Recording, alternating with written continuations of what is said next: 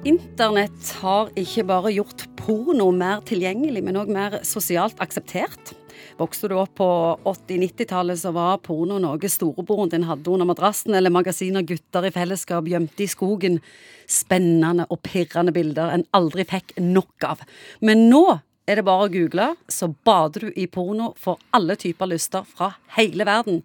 Psykolog Egon Hagen, i dag har mange unge vokst opp med porno, hva er konsekvensen av det? Jeg tror mange voksne med meg ser vel litt med blanding av forskrekkelse og gru på denne vanvittige utbretningen av eh, denne form for seksuelle uttrykk.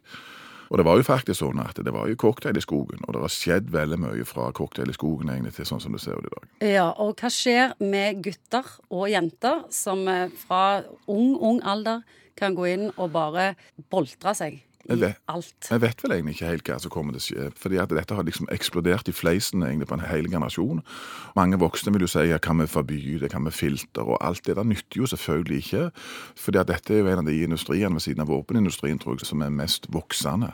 Så you can't fight City Hall, og du kan heller ikke gjøre noe med eh, akkurat dette, tror jeg. Det er gjennom porno mange har lært, eller tror de har lært om sex.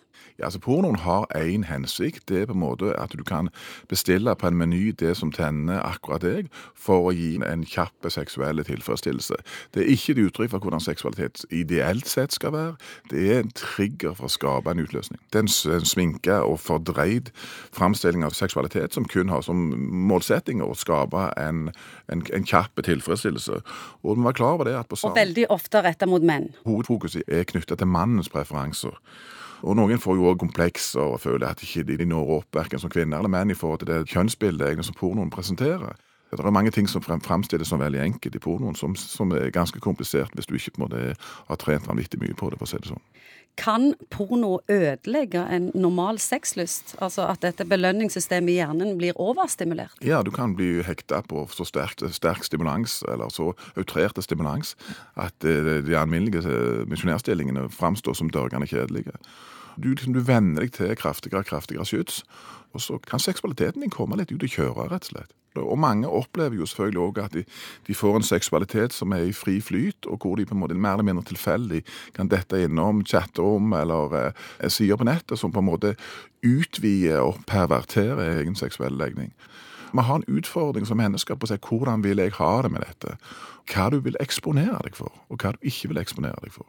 Når bruker en porno for mye? Ja, Det tror jeg er litt forskjellig i forhold til ulike livsfaser. Nå så jeg en oversikt en gang at 50-70 av eh, folk som bor i Oslo, er alenehusholdninger. Og klart at Du kan ikke springe ut hver gang du vil ha en eller annen form for seksuell aktivitet. Så veldig mange bruker jo sikkert, og med glede, de mulighetene som ligger i pornografien.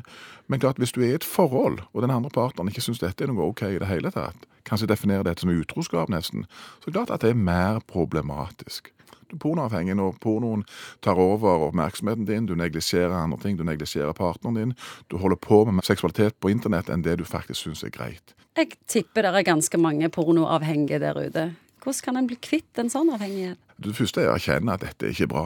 Og du vil jo med en gang kontrastere din egen seksualitet når du kommer inn i et forhold, og du vil oppdage at mange av de tingene du trodde var helt greit, og sånn skulle det være, at det funker faktisk ikke når du er sammen med ei oppegående, kjekke norske jente.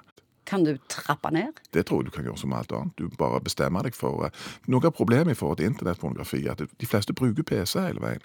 Så du utsettes jo for fristelsen, og det er bare et lite Det skriver tre bokstaver det i Google, så er du inne. Uh, sånn at det, liksom, det, ligger rett rundt hjørnet hele veien.